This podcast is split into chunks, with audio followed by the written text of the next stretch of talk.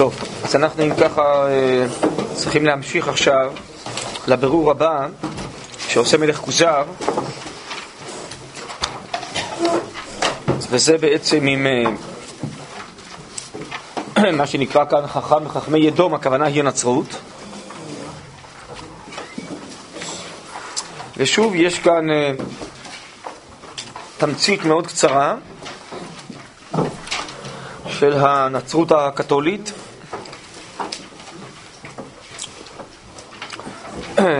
ושוב, נכתבו הדברים כדי uh, לנגד בין uh, מה שיאמרו הנוצרים לבין אמונת ישראל, שתופיע בעזרת השם לאחר מכן.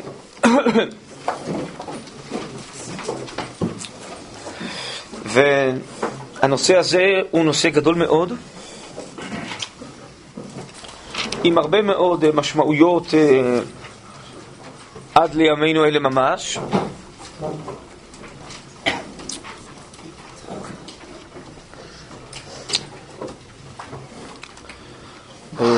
הרב קוק עוסק בנושא של הנצרות בהרבה מאוד פסקאות, אבל אנחנו ננסה בלי נדר לצעוד בעקבותיו של רבינו יהודה לוי ולראות נקודות שהוא הזכיר, אולי קצת אה, להרחיב אותם, אבל אה, אני חושב שלא מעבר לזה הרבה, כדי שנשאר בתוך המהלך של הספר. בסופו של דבר זה מעין אה, הקדמה כדי להגיע בסוף לעיקר, לאמונת ישראל. טוב, אז אני קורא, אחר כך אמר הכוזרי בליבו, אשאל אדום וישמעאל. כן, זה הנוצרים והמוסלמים. כי אחד משני המעשים הוא הנרצה מאין ספק. אתם זוכרים שהרי בחלום נאמר לו שכוונתך רצויה, אבל מעשיך אינם רצויים, ואף הוא אה, נצטווה לבקש את המעשה הנרצה בעיני האלוה. ואז אם כן, אצל אה, הפילוסוף הוא לא אה, קיבל תשובה שבאמת יש מעשים מסוימים שדווקא הם רצויים בעיני האלוה. אז הוא ממשיך לחפש את המעשים, ובאמת אלו דתות שיש להם מעשים, לא רק אמונה ופילוסופיה. אז אם כן, אה, ככה הוא חושב בליבו שזה מה שפחות או יותר ידוע אז בעולם כדבר חזק ומצליח. אז בשלב זה גם אין לו הווה אמינא להתעניין אצל היהדות, הוא יסביר את זה בלי נדר בהמשך. אבל היהודים, די לי, במה שהוא נראה משפלותם ומיעוטם, ושהכל מואסים אותם. לכאורה, אפשר לשאול, תודה רבה. אז מה? אז אם הם אה, שפלים אה, ושנואים, אז לכן אה, מה שהם אומרים זה לא אמיתי. אלא כהמשך למה שהוא טען על הפילוסוף, וכהכנה למה שהוא יאמר באמונת ישראל. שאמונתנו uh, מתחילה מההופעה האלוקית המציאותית על עם ישראל בהר סיני ובהמשך ההיסטוריה. אז כאן אם אכן אה, זו הייתה האמונה והמעשים הנכונים, אפשר להניח שהיה לזה סייעתא דשמיא וזה היה מצליח במציאות.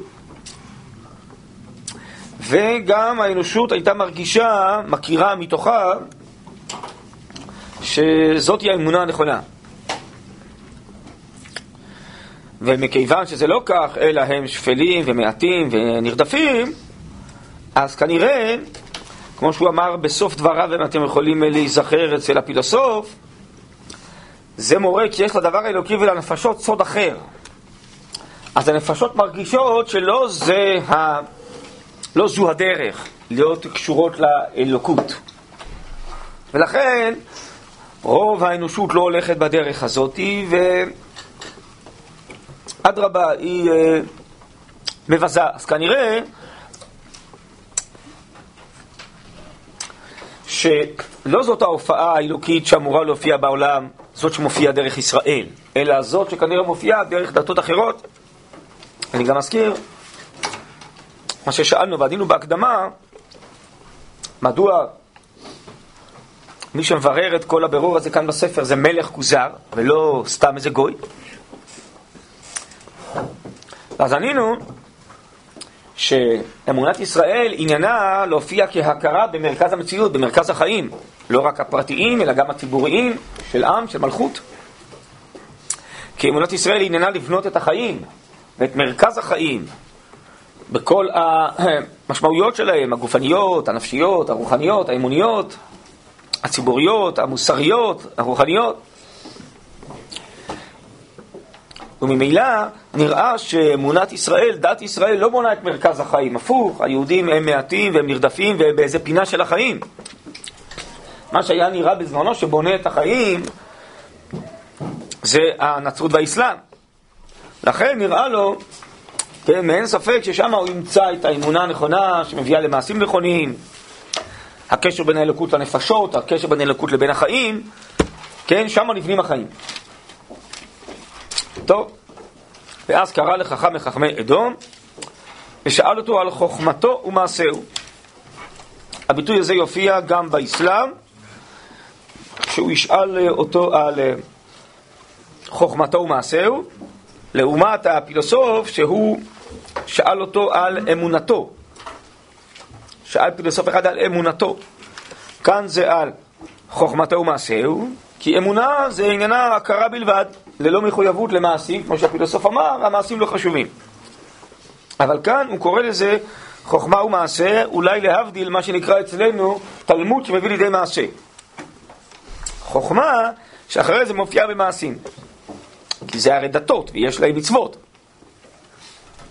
אז לכן, אם כן, הוא קורא לאחד מחכמי אדון, וננסה להבין אם כן מה התיאולוגיה, מה שנקרא, הדתית שלהם, ומתוך כך מה צריכים להיות המעשים. טוב, ואז אם כן אנחנו כאן מתחילים. אני מתנצל שיהיו פה קצת דברים מוזרים, אבל זוהי התיאוריה הקתולית. באמת הפרוטסטנטים כבר עידנו את זה ושינו, כי מה שכאן זה באמת... הייתי אומר, עבודה זרה ממש, והגשמה של האלוקות, תכף תראו. אבל בכל אופן, הוא כותב את הדברים, ובאמת, הנוצרים בקתולים מאמינים בזה. ואמר לו, אני מאמין בחידוש הנבראות ובקדמות הבורא יתברך. לעומת הפילוסוף, שאמר שהעולם קדמון. וההשתלשלות וההצלה זה תהליך קדמון. הנצרות והאסלאם, הם הרי יצאו מישראל, נכון? דיברנו על זה קצת. הם נולדו, הומצאו בירידתם של ישראל, שהאלוקות כבר לא הופיעה בגלוי בישראל, בסוף ימי בית שני, ואילך. אבל הם לקחו יסודות מישראל, למשל, אה, מה שנקרא אמונת הייחוד, אצל אלוקים שנקרא מונותואיזם, כן, אמונה בכל אחד, לא פולוטואיזם שזה אלים רבים, וגם האמונה שהעולם מחודש, העולם נברא. אה, מדוע הם מסכימים ליסודות האלה? התשובה היא פשוטה, אין להם ברירה. כי זה נקבע מאוד חזק באנושות. כל התהליך ההיסטורי של עם ישראל וכל הידיעות האמוניות הללו והתנ"ך. אז נראה בהמשך שמאוד רוצים אה, לצאת ולברוח מאותם יסודות אה, אמוניים ישראליים. כל אחד בנושאים שלו, נראה את זה בהמשך בלי נדר. אבל בזה הם חייבים אה, להודות, והם לא יכולים לומר למאמיניהם משהו אחר, זה לא יתקבל. כי האנושות כבר התחנכה על יסודות האלו של אמונת ישראל, שיש בורא קדמון, הוא רק הוא הקדמון, אבל העולם מחודש. אז אם כן, הוא מתחיל, אני מאמין בחידוש העולם ובקדמות הבורא יתברך. עכשיו, אני מדגיש שהוא מקדים את חידוש הנבראות לפני קדמות הבורא. אנחנו נראה בלי נדר אחרי זה באסלאם זה הפוך. ומדוע? כי אצל הנוצרים הנושא המרכזי זה בעצם אה, העולם אה, הזה והחיים בעולם הזה, לעומת האסלאם, שאצלו הנושא המרכזי זה אללה, זה האלוקות. והיום, רק רגע, אה, זה לא כך יודעים את זה, כי חלק מעמי ערב הם יותר פרימיטיביים מאשר עמי אירופה הנוצריים. אבל בעצם הפילוסופיה הייתה הרבה יותר מפותחת בימי האסלאם מאשר בימי הנצרות. והייתה להם חשיבה הרבה יותר רוחנית ומופשטת ועליונה מאשר הנצרות, ולכן גם כן בסופו של דבר האסלאם, גם להלכה, הוא לא נחשב כעבודה זרה, לעומת הנצרות שכן. והנצרות, היסודות שלה, המחשבתיים, הפילוסופיים, הם מאוד מאוד שטחיים ורדודים. ומאוד מעניין אותם עניין עולם הזה, שפחות מעניין את עניין האסלאם. ונדבר על זה בעניין הזאת כשנגיע לאסלאם, עניינו של האסלאם זה בעצם הגן עדן, מה שאחרי העולם הזה, מה שהמטורפים של היום מדברים כל הזמן. אבל לכן הוא מקדים פה, באסלאם נראה שזה בדיוק הפוך. זה לכאורה מצד הסדר הייתה צריך לדבר על קדמות הבורא, ורק אחרי זה חידוש העולם. תראו, הכל פה מאוד מדויק, מאוד מדויק מה שרבנו יהודה לוי כותב פה, הזכרתי את זה כבר בהקדמה, זה שום מילה פה לא מיותרת, לא נמצאת במקומה, זה פה סולת מנופה, הספר הזה, אנחנו קוראים את זה ככה וזה מתגלגל לנו במילים, אבל בעצם צריך לדייק פה מאוד, מה שאני לא ברח לדייק פה בכל מילה, בכל דבר, אבל יש דברים בולטים מאוד לעין. בכל אופן הוא מתחיל מחידוש הנבראות, ואחרי זה קדמות הבורא יתברך. אה, הרבה מרבותינו, אה, הרס"ג והרמב"ם, מתמודדים עם כל מיני כתות פילוסופיות, כת הקלאם, כת המדברים, זה הכל כתות אסלאמיות, זה לא בכלל כתות נצריות, הם אה, בכלל לא עסקו בזה. טוב. כן? סליחה, חידוש הנברות זה בריאת העולם, חידוש ה... כל הברואים, כן. שהעולם מחודש ולא קדמון, זה הכוונה. ושהוא ברא העולם כולו בששת ימים. כן? בדיוק כמו שעם ישראל אה, מאמין בתורתו, הם לקחו את זה מישראל כמובן. ושכל המדברים צאצאי אדם, ואחרי כן צאצאי נוח, ואליו הם מתייחסים כולם. שימו לב שנחסרו פה מהרשימה אברהם, יצחק ויעקב, נכון? זה לא במקרה. משום שאברהם, יצחק ויעקב הם אבות האומה הישראלית. הגמרא אומרת, לא הקריא אבות אלא שלושה. גמרא מסכת ברכות.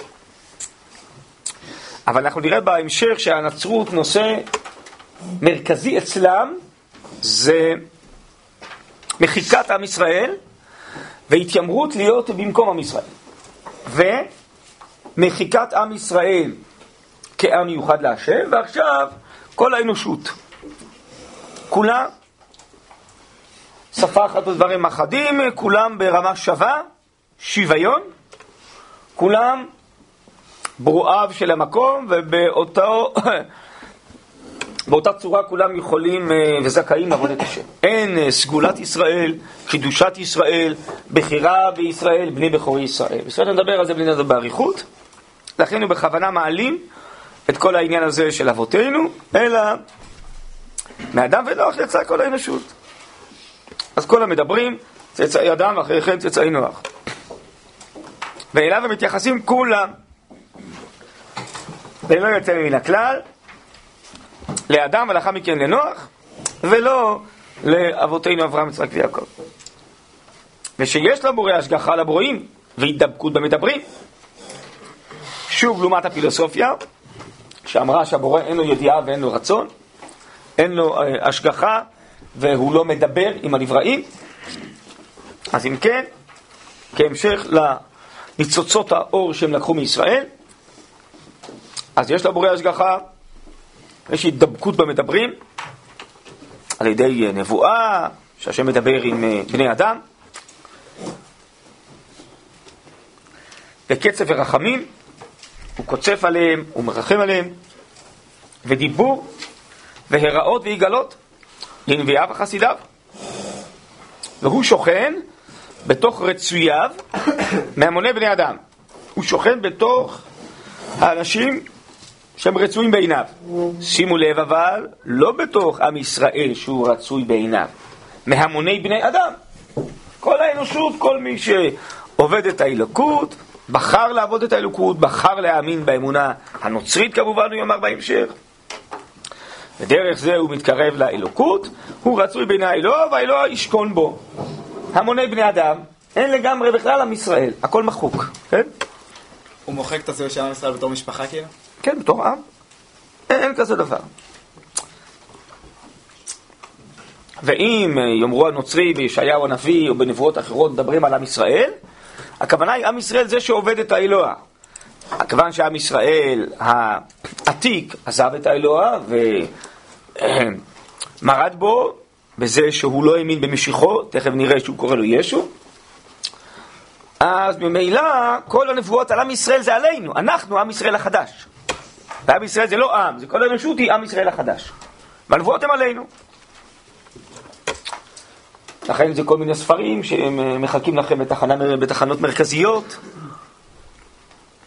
כל מיני מיסיונרים, עם נבואות של ישעיהו הנביא והמשיח, זה הכוונה בעצם שהם אומרים, אל תתבלבלו, שהם מתכוונים לומר אה, ש...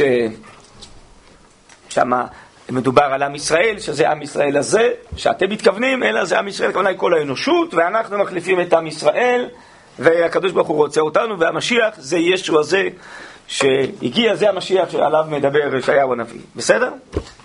דרך אגב, הספרים האלה יש להם מקום אחד, רבינו הרב צבי יהודה, שהיום מביאים אלו את הספר הזה, היה אומר, מיד לתנור.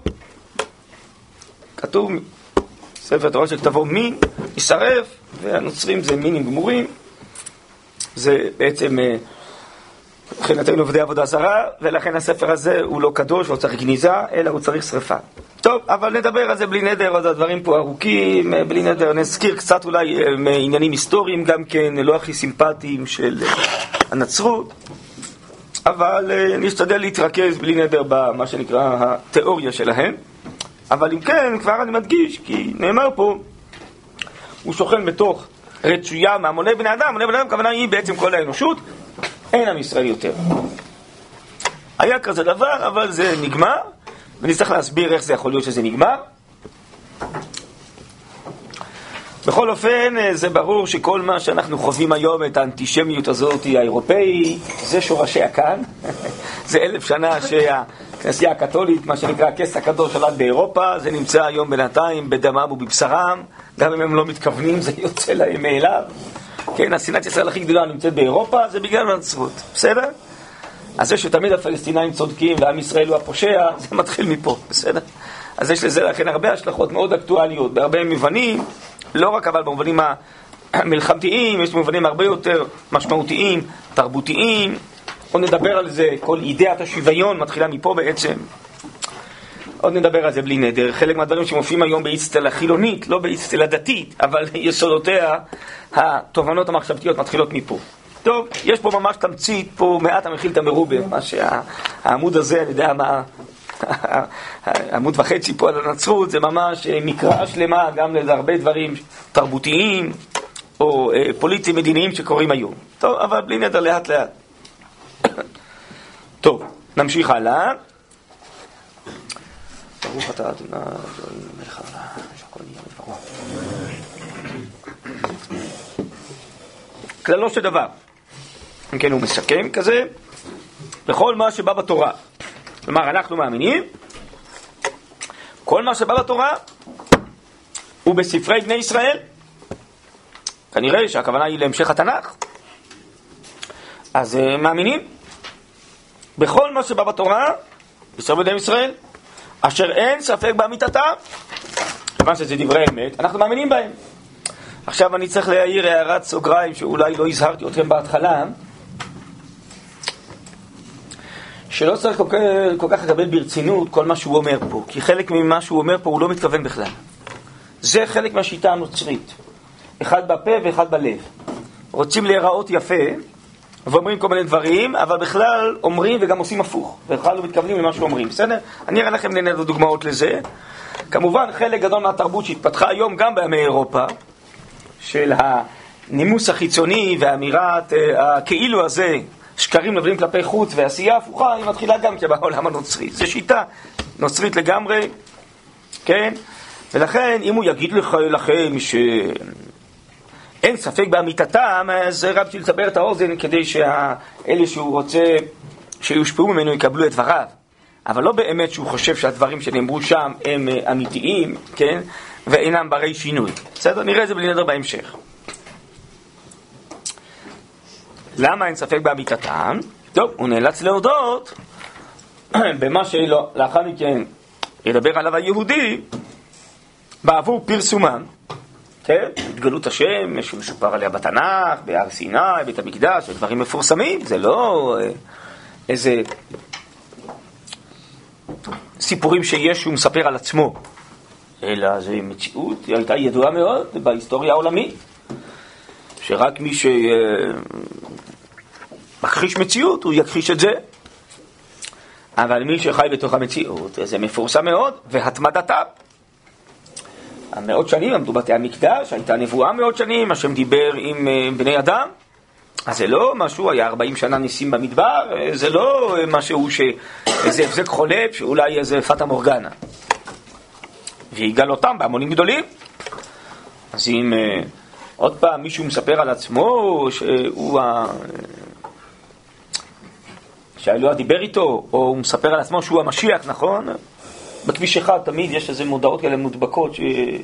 תמונות של המשיח, לא כל פעם זה מתחלף. תמונה אחרת של מישהו אחר שהוא מכריז על עצמו שהוא המשיח. טוב, אז אה, נעבך, נו, אדם אה, מכריז על עצמו שהוא המשיח, אבל אה, פה זה נגלה בהמונים רבים, אם כן, אז כולם ראו שיש גילוי השם בעולם, יש מגע בין האלוקות לבין הנבראים. אז ממילא, בכל הדברים האלה, העדויות האלה של התורה, התנ"ך, כיוון שזה היה כל כך מפורסם, אי אפשר להכחיש. באמת, התנ"ך הוא דבר מאוד אה, מבוסס, מאוד מקובל בכל האנושות, כל העולם. נכון אפילו את אובמה, שאני לא בטוח אם הוא החליט אם הוא נוצרי או מוסלמי, אבל uh, מסופק כנראה, ממה נפשך השביעו אותו לתנ"ך. בין אם הוא מצד זה או מצד זה או משניהם גם יחד, אז זה ברור שזה התנ"ך, זה הספר, שזה משביעים את אה, נשיא ארה"ב ועוד אישים אחרים. אז אם כן, זה ברור שמה שמסופר שם זה אמת. אז אם כן, הנצרות לא יכולה להכחיש את זה. אבל אנחנו נראה איזה דרך מילוט שהיא תנסה למצוא לעצמה לאחר מכן, תכף תראו. ובאחריתה, כן. למה אמרת שהוא לא באמת מאמין בזה? במי? אה, כי זאת האמת, מה אני יכול לעשות? שהוא לא באמת מאמין. מאמין שהיה תנ"ך, אבל אפשר ללמוד את זה. אה, כן. הבנתי. טוב, אולי, הלוואי. אתה מלמד זכות, בסדר? ובאחריתם, מה הכוונה באחריתם? אחרית הימים, סוף עם ישראל. אתם שומעים? הוא החליט שעם ישראל הגיע לקיצו. אחריתה. כן? סוף המהלך הזה של הופעת אה, עם ישראל וכל מה שהוא מסופר עליהם בספריהם ובעקבותם. נגשמה האלוקות, לא פחות ולא יותר, אלא יותר.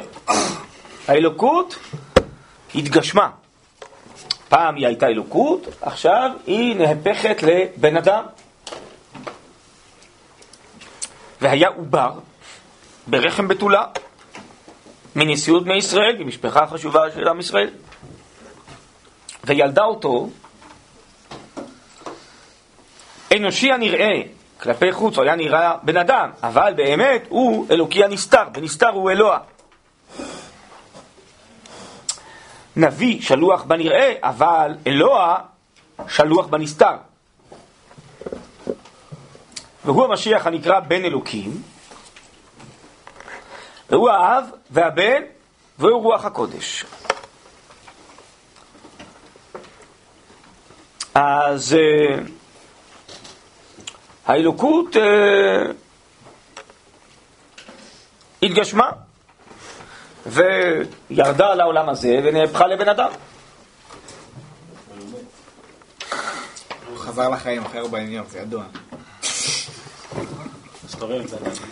אה, קראנו הוא האב והבן ורוח הקודש, ואנחנו מייחדים אמיתתו, אנחנו אומרים שהאמת היא שהוא כל אחד, ואם נראה לשוננו השילוש, אף על פי שאנחנו מדברים על שילוש של אב ובן ורוח הקודש, בכל אופן הכל דבר אחד. איך זה? לאלוקים פתרונים. בכל אופן, זה חלק מהשיטה הנוצרית שדווקא צריך להאמין בסתירות, אחרת זה לא אמונה. כן?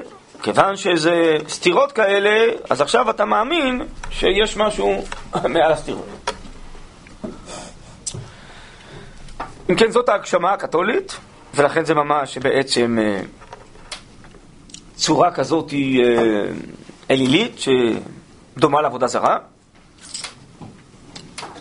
כן, עם יסודות של עבודה זרה. ובעצם האיש הזה הוא האלוה, ולכן צריך להאמין בו, ו...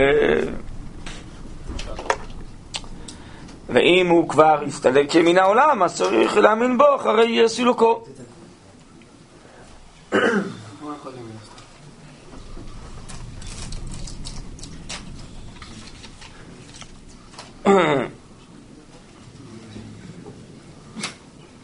טוב, אז אם כן, זה העניין הראשון, אה, שזה נושא ההגשמה, כן? אה, זה לא יותר נמוך אפילו מעבודה זרה? כן, מה רציתם לשאול? כן. מה הכוונה אה, אה, נביא שלוח בנראה, אלוה שלוח בנסתר? לא יודע. לא יודע, וגם אה, כמרים קתולים לא יודעים להסביר מה כתוב פה. הם יודעים לצטט מה כתוב פה, אבל זה לא דברים שהם קשורים להיגיון. אתה יכול להסביר בהיגיון איך אלוה נהיה בן אדם? אז או שהוא אלוה או שהוא בן אדם, לא. אז יש פה הרבה דברים שהם נגד ההיגיון, אבל לכן זה אמונה אצלם. זה לא צריך להיות הגיוני.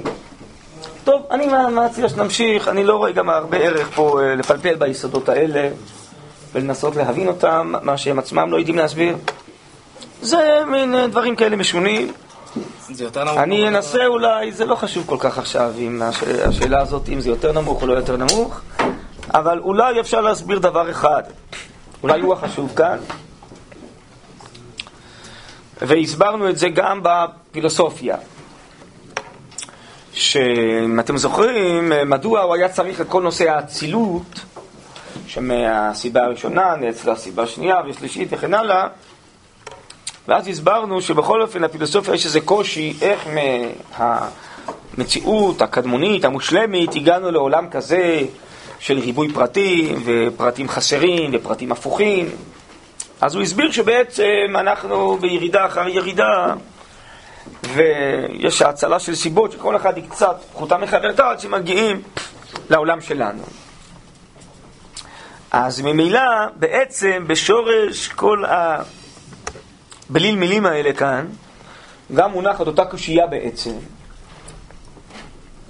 מה הקשר בין האלוקות לבין המציאות, לבין בני האדם? אז אם הוא ימשיך לומר שהקשר הוא כמו שמופיע בספרי בני ישראל, שיש נבואה ויש אלוקות, והשם נתן תורה והופיע בית המקדש, אז בסדר, אז הקשר הוא באמת אה, למי שהוא הופיע, זה רק לעם ישראל. לא שמענו שהיה הר סיני לנוצרים, ולא בית מקדש לנוצרים, ולא נבואה לנוצרים, נכון? אז הוא יצטרך להודות שהקשר הוא רק לאומה הישראלית שאותה הוא רוצה למחוק. ממילא הוא צריך לומר שזה אחריתם, והשיטה הזאת שהייתה פעם נגמרה, ועכשיו יש שיטה חדשה למגע בין האלוקות לבין האנושות, נכון? אבל מה נעשה האלוקות היא בשמיים ובני אדם הם על הארץ? אז איך יש קשר? והרי הוא לא יכול להביא עדויות בהיסטוריה לקשר של נבואה וניסים ורוח הקודש כמו שהיה לעם ישראל. על כורחו הוא צריך להמציא איזושהי תיאולוגיה שפשוט האלוקות ירדה אלינו ושוכנת בתוכנו והתקרבה אלינו ולכן עכשיו יש מגע בינינו לבינה. בסדר? יש פה איזו סיבה שהוא צריך להמציא את השטות הזאת, כן? יכל להמציא את הכל, אבל הוא כנראה לא שמע על העצות שלנו, והוא החליט להמציא את זה. אבל אני רק מסביר את מה שעומד מאחורי זה, יש פה איזה צורך. כי אם הוא לא ימציא איזו שיטה של קשר עם האלוקות, אז אין קשר. והרי הוא יודע שבן אדם מחפשים קשר לאלוקות.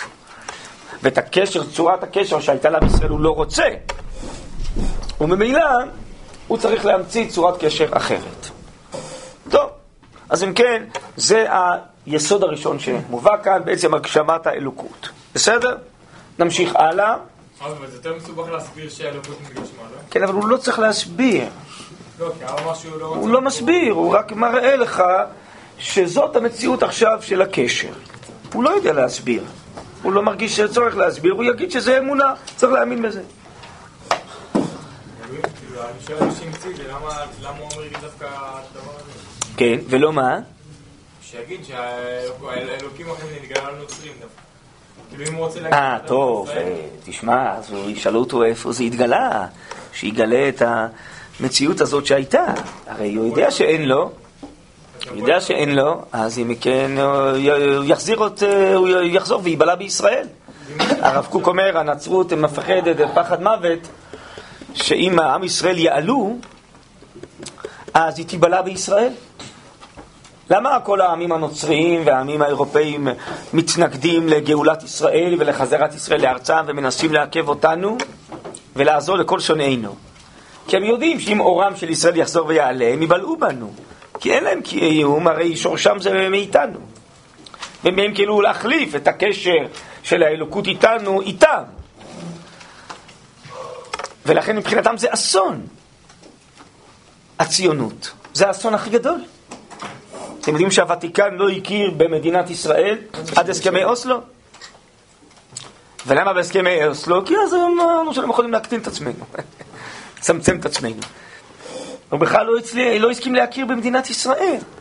כי, אני גם אסביר אולי טיפה מה מופיע בתיאולוגיה הנוצרית, אני מניח שאתם לא יודעים. הם הסבירו כל השנים שעם ישראל עכשיו, הוא יאמר את זה בהמשך, כיוון שהוא מרה במשיח הזה ולא האמין בו, אז עכשיו השם מעניש אותו וזרק אותו לגלות, ועם ישראל אמור להיכחד מן העולם ולעבור מן העולם, זה הסיפור הזה נגמר, זה אחריתם, הוא אמר, לא? ועכשיו האלוה אוהבת אותנו, שוכנת בנו. אבל מה נעשה? דא עקא שעם ישראל, העקשן הזה, שרד את כל ההיסטוריה וממשיך להתקיים. אז הם עשו כל מה שאפשר כדי להשמיד אותנו.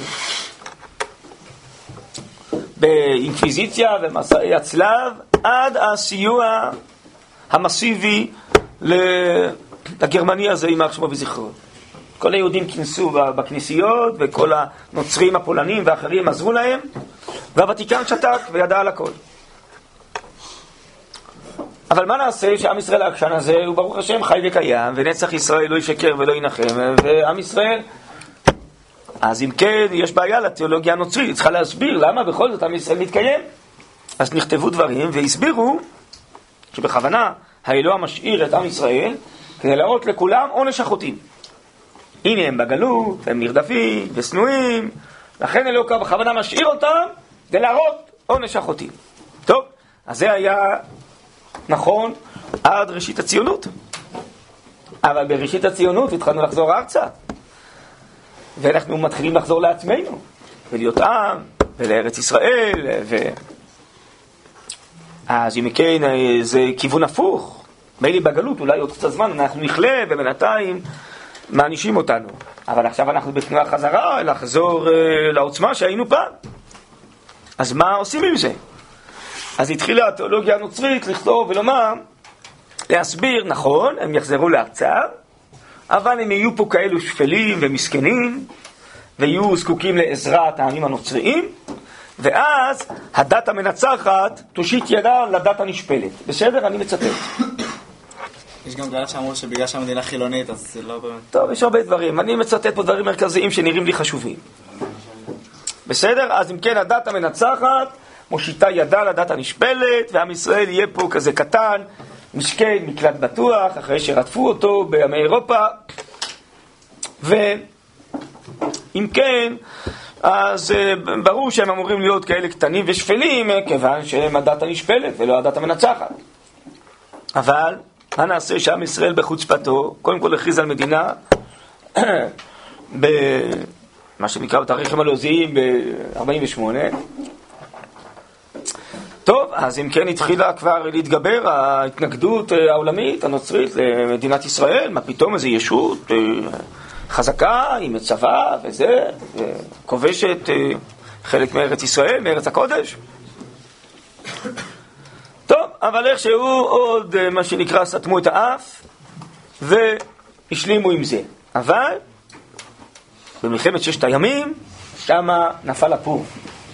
הם הבינו, זה לא מה שחשבנו, זה עם חזק, אריה קם מרבצו, כובש חלקים מארץ ישראל, עם צבא חזק, מתפשט, מביס את מדינות ערב, כובש את ירושלים והר הבית. זה מסוכן העסק הזה. זה עם ישראל אוטוטו חוזר למה שהוא היה פעם. חוזר ללאומיותו, חוזר לאלוקיו ולרוחמיותו. זה הסוף שלנו. ואז התחילו להיכתב גם בתיאולוגיה הנוצרית כתבי שנאה נגד המדינה ונגד העם ונגד כל מה שאפשר ונגד זה שאנחנו מטמאים את ארץ הקודש ואת ירושלים ו...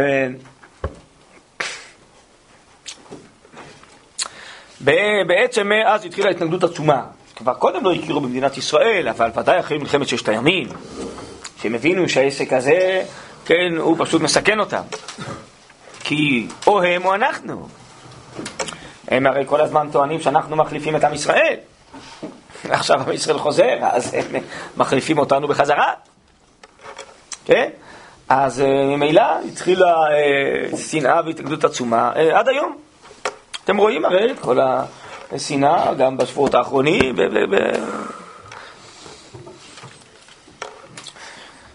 לא חסר דוגמאות. ו...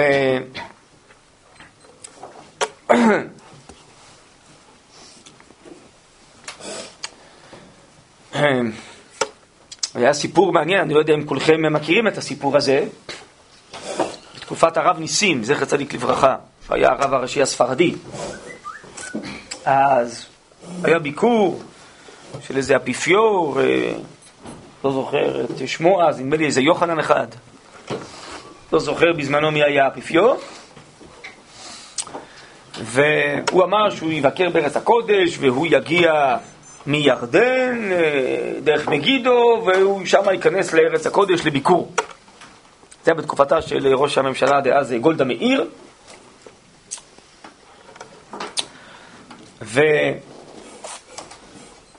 והיא אמרה, אם כן, אנחנו צריכים אה, לכבד אותו, וחייבים כל הכנסת וכל שרי הממשלה לעבור ללחוץ את ידו במגידו, איפה שהוא נכנס לארץ הקודש, וגם היא דרשה מהרבנים הראשיים אה, לבוא לכבד אותו.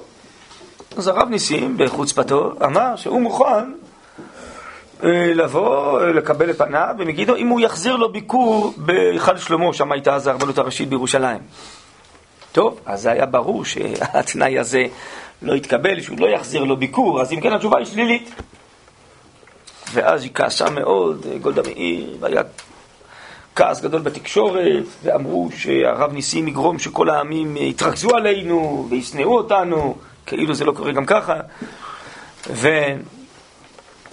הוא פותח לעצמו משרד חוט עצמאי, בקיצור, היה אז רעש בתקשורת של אז, אבל הרב ניסים עמד על דעתו.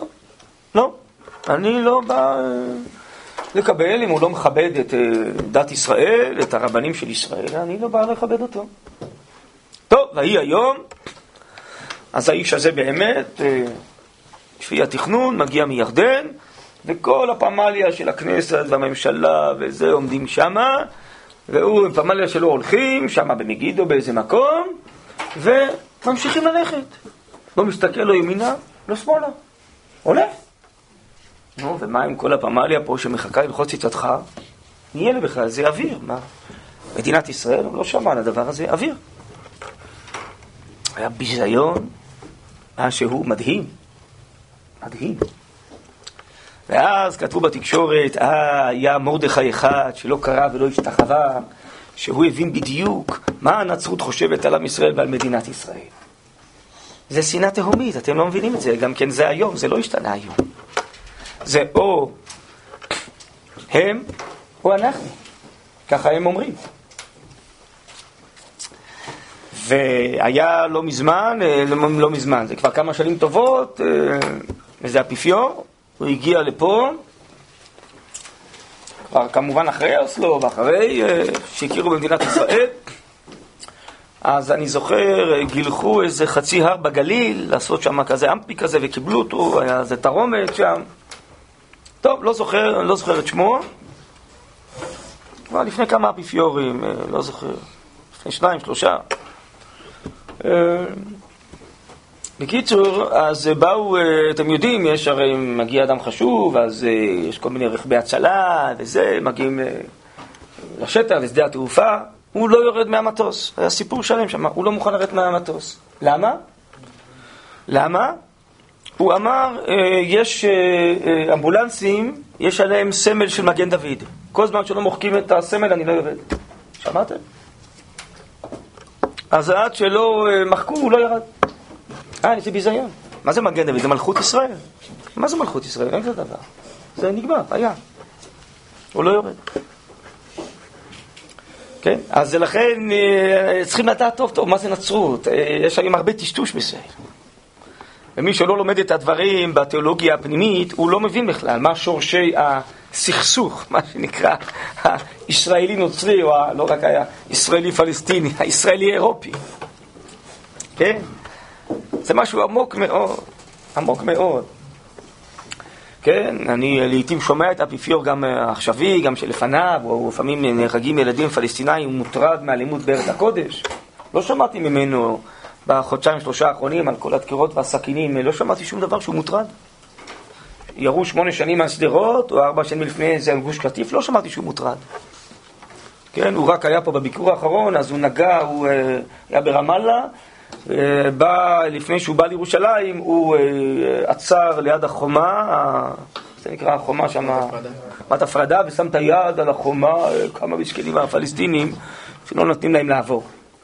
אז לכן זה הנצרות והאסלאם, איך הגר"א והמהר"ל אומר, מלכות רביעית זה הנוצרים והמוסלמים ביחד. וראש הנחש זה הנצרות, זה לא האסלאם. אלה הפראים המשוגעים, אבל הם עושים את העבודה הבזויה. ראש הנחש זה הנצרות, יש פה איזו אידיאולוגיה שלמה של מחיקת ישראל. בסדר? אז מי שפשוט לא לומד, לא מבין, לא יודע, כי היום בציבור זה מטושטש, זה לא... ומנסים להיות ביחסים טובים, מאירופה, זה לא, זה לא הולך, זה לא הולך בגלל זה, זה לא הולך. אבל בכל אופן עם הנצרות זה, זה פשוט אה, מלחמת חורמה שלהם נגדנו, בכל מה שאפשר. ופעם אחרת אני אספר לכם אולי כמה אה, מיליונים של אה, דולרים נוצריים מהוותיקן, מהעמותות נוצריות, מוזרמות פה בארץ לכל הגופים שנלחמים במדינת ישראל.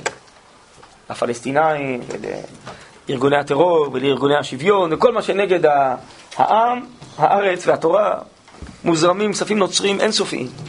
לא, אבל בעניין הפעם אחרת, אולי אני אספר לכם אה, כל מיני ידיעות כאלה. בכל אופן, אני מנסה להיות אה, צמוד לנושא. הנושא הוא, כמו שהוא אומר, זה באחריתה. זה אחרית האומה, ותכף תראו עכשיו מה שהוא יאמר, למה זה אחרית, ולמה אנחנו אמורים להחליף אותם. טוב, אני ממשיך לקרוא. אני מתנצל אולי על ההתקפה החריפה, אולי לא אה, ציפיתם לכזאת אה, התקפה, חשבתם שזה יהיה איזה לימוד נעים על הנצרות, ורק נבין במה, אבל זאת המציאות, מה אני יכול לעשות? אני לא יכול אה, להתעלם מהמציאות. כן. יהודים משיחיים זה גם קשור? בטח. זה יהודים משיחיים, זה יהודים שמאמינים בישו. שיגדירו. אה, אבל הם נוצרים.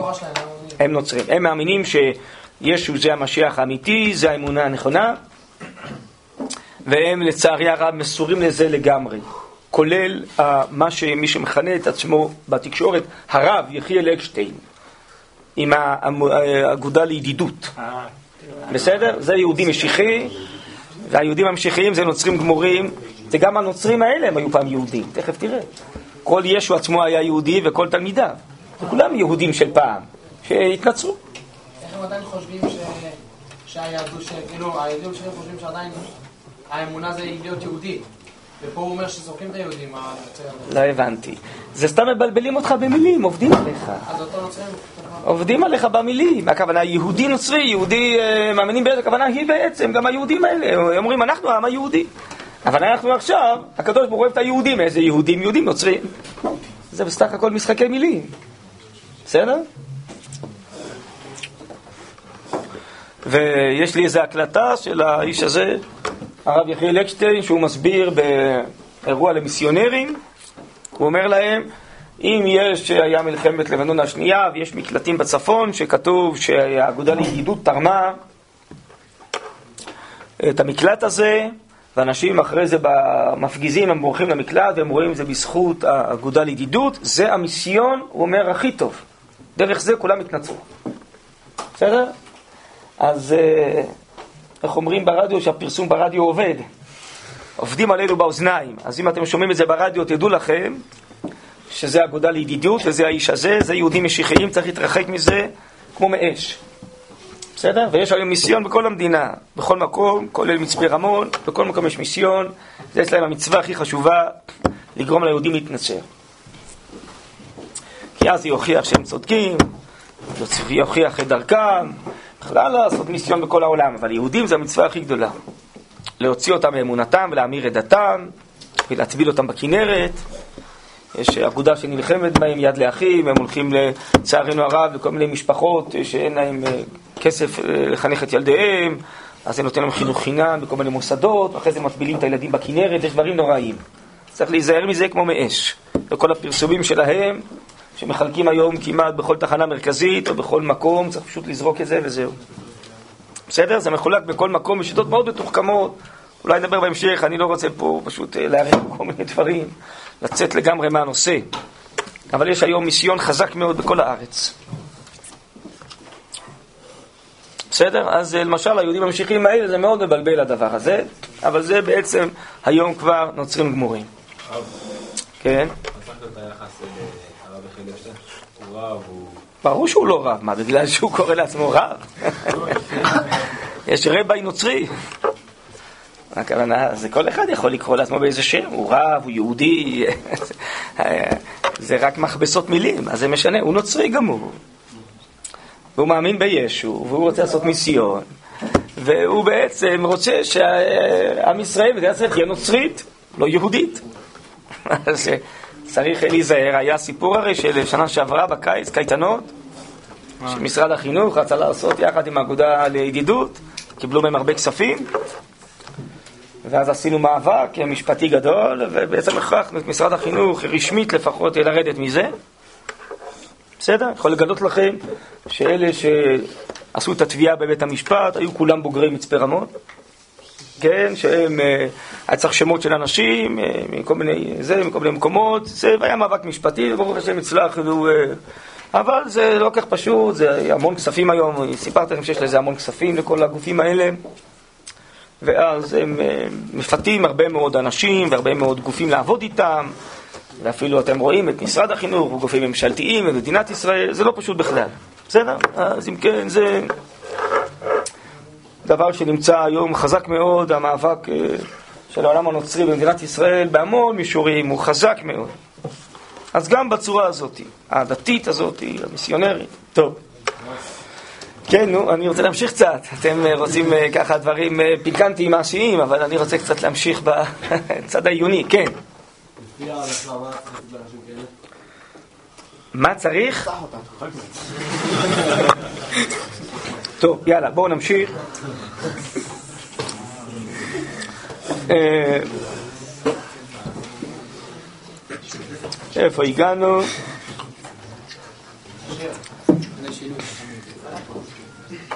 אה, נאמין בו ובשכנו בתוך בני ישראל לכבוד להם. כן? אנחנו מאמינים במשיח הזה, שהוא שכן בתוך בני ישראל, לכבוד להם. זה היה פעם, תקופה מסוימת. יציאת מצרים, הר סיני, בתי המקדש, נכון. אין ברירה, אני חייב להודות שהאלוקות אז שכנה בישראל. כאשר היה עניין אלוקי נדבק בהם, עד שמרו המוניהם במשיח הזה ותלו. נכון? עם ישראל לא האמין במשיח הזה, ובעצם דנו אותו, הגמרא בסנהדרין אומרת, כמסית, מכשף ומדיח. כן? וממילא שב הקצף מתמיד עליהם ועל המונם. אז קצף אלוקי עכשיו ניתח עליהם, כי הם לא האמינו במשיח הזה, והרצון, הרצון האלוקי, עבר ליחידים ההולכים אחרי המשיח. בהתחלה זה היה רק יחידים, זה היה תלמידה ועוד קצת אנשים שהתלקטו. ואחרי כן, לאומות ההולכים אחרי היחידים האלה. אנחנו מהם. ואז האמונה הזאת הלכה והתפשטה מאותם יחידים לעוד אה, עוד יחידים, בסוף זה נהיה לעמים שלמים, עד שזה נהיה דבר מרכזי באנושות.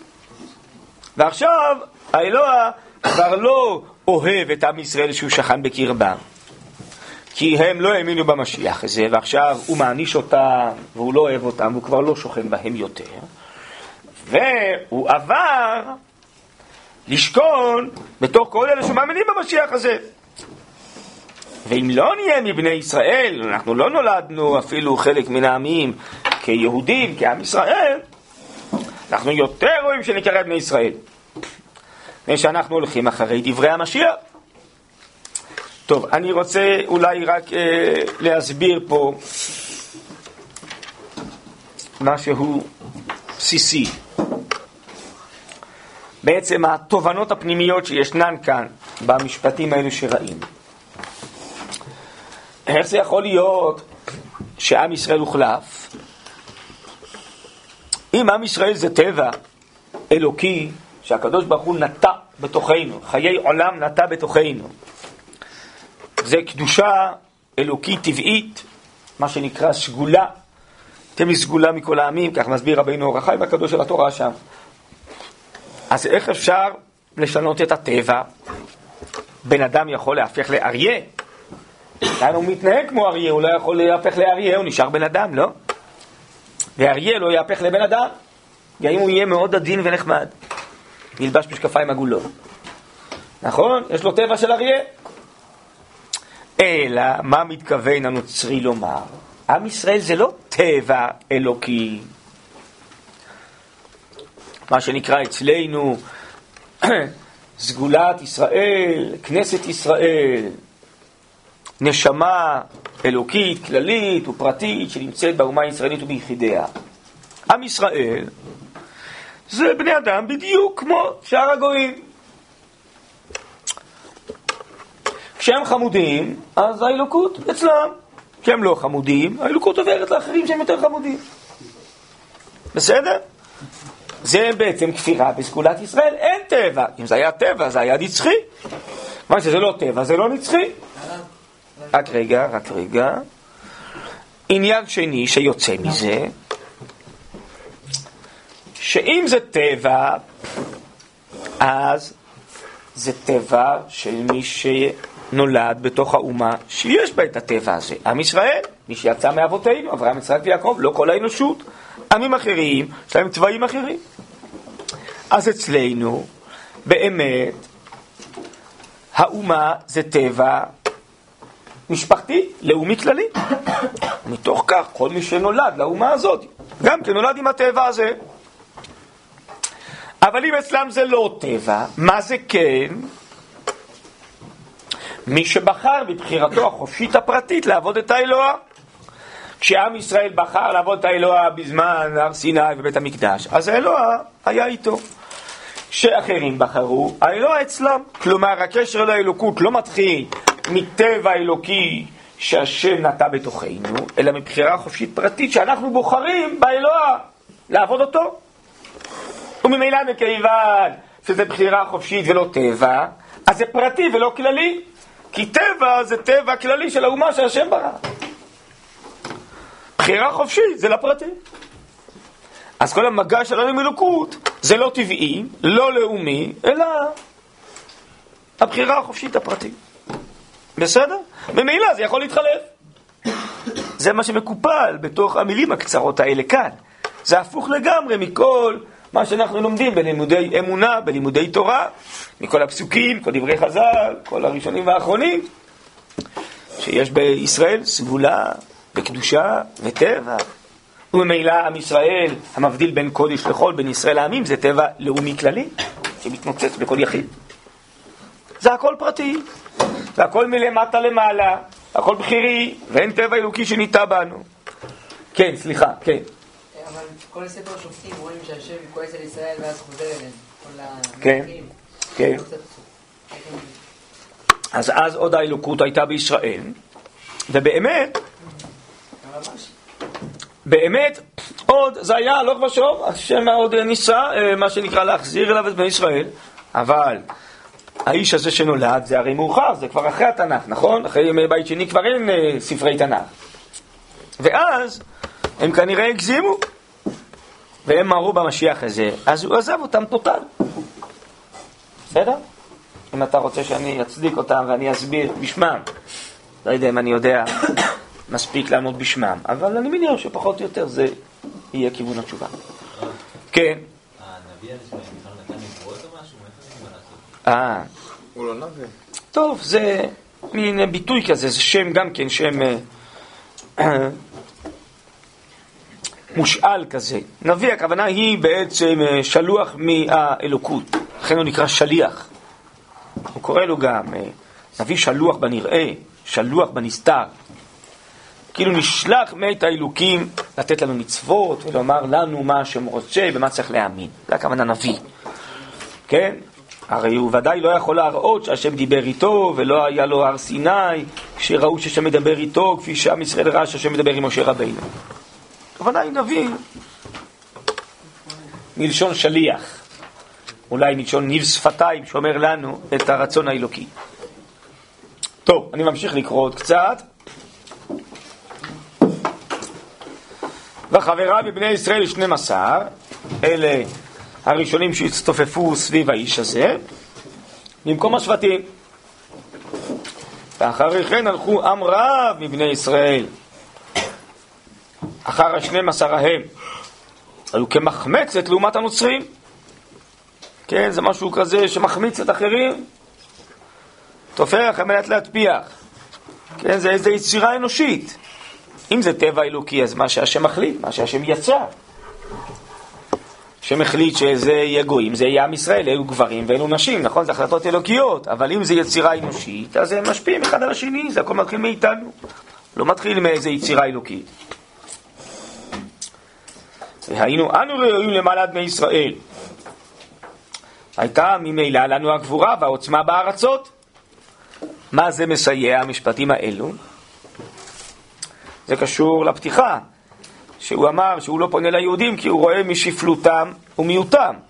אם אנחנו כל כך עכשיו מתפשטים, מצליחים, גבורה ועוצמה בארצות, כנראה שהאלוה אוהב אותנו, ועוזר לנו. איזה סימן שהאלוה איתנו, סימן שהאמונה שלנו היא הנכונה. עכשיו הוא שוכן בקרבנו. זה מה שהוא כותב, היינו אנו ראינו למלד מישראל. אתם רואים? זה כל הניסיון זה להחליף את עם ישראל. עכשיו אנחנו בני ישראל אמיתיים. הייתה לנו הגבורה והעוצמה בארצות. וכל האומות נקראות על האמונה הזאת. כל האומות. אתם רואים כל האנושות, אין הבדל בין עם לעם, בין גזע לגזע, בין אדם לאדם. כולם נקראים. שוויון גמור. למה? כאילו כולם, כולם הם פרטיים, יש להם בחירה חופשית. כולם יכולים לבחור לעבוד את האלוקות. ולהאמין בה, כן? בדרך שלנו. אז למה לשנוא את היהודים? כי אם אה, יש יהודים בעולם, ממשיכים לשרוד, כנראה שהאלוקות ממשיכה לאהוב אותם ולשקול בקרבם ולא בקרבנו. ועוד חס וחלילה הם יחזרו לעצמם, אז בכלל, זה הסוף שלנו. כל ההמצאה מתברר כבטלה. אה,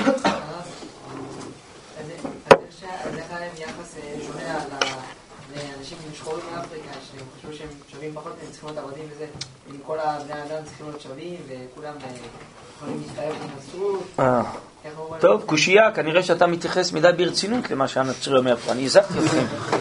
לא להתייחס יותר מדי ברצינות. טוב, הלאה.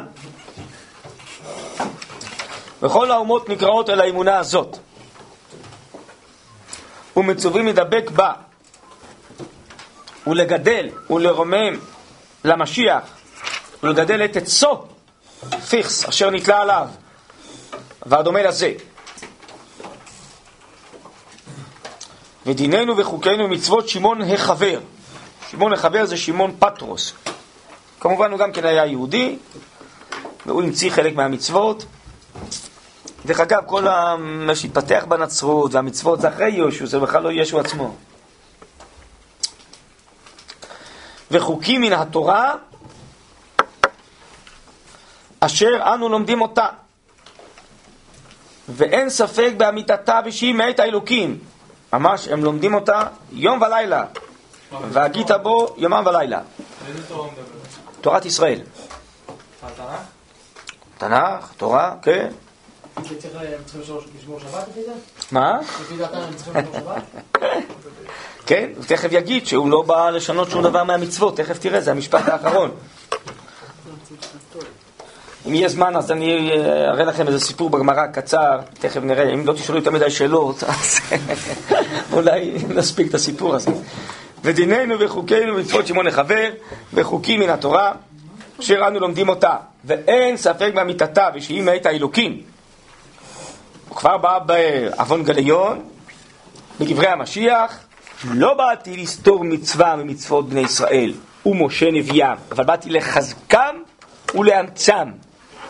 מרוב חיזוק ואימוץ ומסמרים לא נשארה אפילו מצווה אחת מהתורה אצל הנוצרים. כן? ככה הוא אומר. אז uh, אנחנו צריכים להגות בתורה, והוא לא בא לסתור, הוא רק בא לחזק. לנוצרים עצמם אין שום מצוות בכלל. הם לא עושים את זה בבחינת צדוקית יותר, לא? פחות אכפת להם מכל מה שרבנן. טוב, אה, אם אפשר, יש אה, פה אה, גמרא מסכת שבת, יש פה בארון הזה? ההבדל? הבדל בין מה למה? ככה הם ממשיכים את כל התורה. אתה רואה נוצר אה, הם לא ממשיכים כלום, הם רק אומרים. הם אומרים בשביל אה, שזה ייראה אמין. ואני בהמשך אולי, יהיה לנו זמן עכשיו לדבר על העניין הזה. אתם רואים, אצלם התורה זה גם דבר צדדי, זה מופיע בסוף, הנושא של התורה. ננסה אולי גם להסביר אחרי זה למה הם אה, מבטלים את התורה, בסדר? אי אפשר את הכל פשוט בשיעור אחד.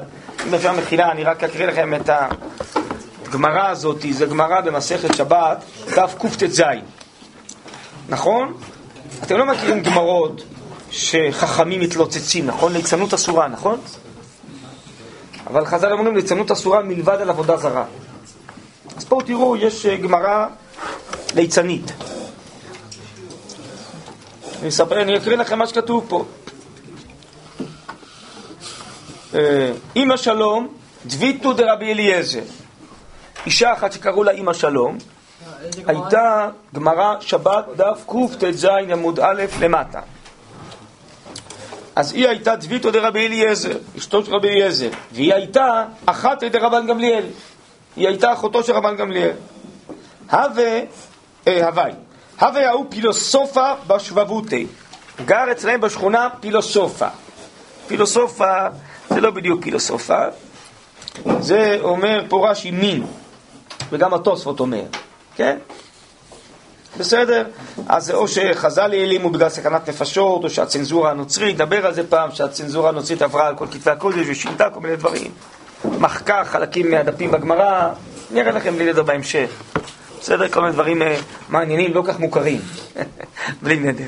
אבל עכשיו אנחנו פה עוסקים בסיפור המצחיק הזה, תכף תראו, שהיה פילוסופה. בקיצור, הוא לא היה בדיוק פילוסוף, הוא היה מין. דהווי שקיל שמא, הוא היה מוציא על עצמו שם, מפרסם, דלא מקבל שוחדה. הוא אומר, אני דן אנשים, עושה משפט, אנשים רבים, אני אעשה ביניהם אה, משפט צדק, אני אגיד מי צודק, בלי כסף, בחינם. אה, לא, לא בלי כסף. אה, אולי אם אבל הוא לא מקבל שוחד. מה, אי אפשר לשחד אותי. אני דן דין אמת. טוב, באו לאחוכי בי. רצו לצחוק עליו. מי? אמא שלום ואחי הרבן גמליאל. אה? שני אנשים מכובדים? לא יפה, מה, צוחקים על אנשים? כן? האייללי שרגא דדהבה. אז היא אה, שלחה לו אה, לפני שהיא באה לדיון, שרגא דדהבה, נר של זהב, תור שוחד, בסתר. ואז הוא לקם וילכו לפניו לדין. מה הם מתווכחים? האח והאחות האלה. אמרה לי, באינא דניפלגי לי בניסא דבינשי. אבא שלנו נפטר, יש לי נכסים, אני רוצה גם כן לקבל חלק מהירושה. אישה יורשת? לא יורשת. אמר לו, פלוגו, אין בעיה, תחלקו. אמר לו, אז אומר לו רבן גמליאל, כתיב לן, במקום ברה, ברת לא תירות. איפה שיש בן, בת לא יורשת. אז איך אתה אומר שיתקבל חצי? אמר לי, תשמעו טוב, מן יומא דגליתו מהרחון, מיום שגליתם מארציכם, התנטילת אורייתא דמשה, נתלה תורת משה, והתייעבת ספרי אחריתי. יש ספר אחר במקום תורת משה. הוא מתכוון לספר הנוצרי. וכתיב בי, מה כתוב שמה? שמה יש שוויון. בר אבו ברתא כחד הירטון, שמה כתוב שבן ובת יורצים בשווה. אז עכשיו יש ספר חדש, מחליף את הישן, מה אתה רוצה? אני פסקתי לפי הספר החדש. טוב, למחר, הדר איה להי הוא חמרה לובה. למחר הם באים עוד פעם לדין, והוא שולח לו בסתר חמור לובי. אתם יודעים מה זה חמור לובי? זה בערך היום כמו, נגיד, אה, לימוזינה. זה חמור לובי. זה חמור שלא מתעייף אף פעם, בסדר? ומחזיק מעמד לאורך הרבה שנים. זה חמור לובי. אז הוא שולח לו משהו כזה... אמר להוא, אחרי שהוא מקבל חמור לובי, אז הוא משנה עכשיו את הדין שלו. הוא אומר להם, שפילית לסייפא דסיפרא. הסתכלתי בסוף הספר החדש הזה, שאמרתי לכם שהוא מחליף את הישן, גיליתי שטעיתי. מה כתוב שם? כתב ב... אנא, תיזכרו בפסקה האחרונה שראינו פה, שאמרתי לכם לא להתייחס אליה יותר מדי ברצינות, אז הוא אומר, כתוב בספר החדש, אנא לא למפחת מלאורייתא דמשה הייתיתי, ולא להוסיף על אורייתא דמשה הייתיתי. לא באתי לא להפחית ולא להוסיף על משה רבינו. אז אם כן, אם הוא לא בא להוסיף ולא להפחית, לא לשנות ממשה, נכון? אצל משה רבינו כתוב שאיפה שיש בן, בת לא יורשת, נכון? הוא כתיב בי, מה כתיב בתורת משה? במקום ברא, ברת לא תירות. אז זהו, אז הוא צודק. אני לא יכול אה, לתת לך חצי, כי אה, בספר של משה, והרי הספר שלנו לא בלך בספר של משה, נכון? אמרה לי, אז היא רומזת לו שאתמול היא שלחה לו אה, נר של זהב, לא? אמרה לי, נהור נהורייך כשרגא, תאיר את דבריך כנר. שכחת מה ששלחתי לך? אמר לה רבן גמליאל, אתה חמרה ובאת לשרגא, בא חמור ודחף את הנר. בסדר, זה גמרא מסכת שבת. מה זה מתלוצצים פה? בסדר. טוב, בעזרת השם.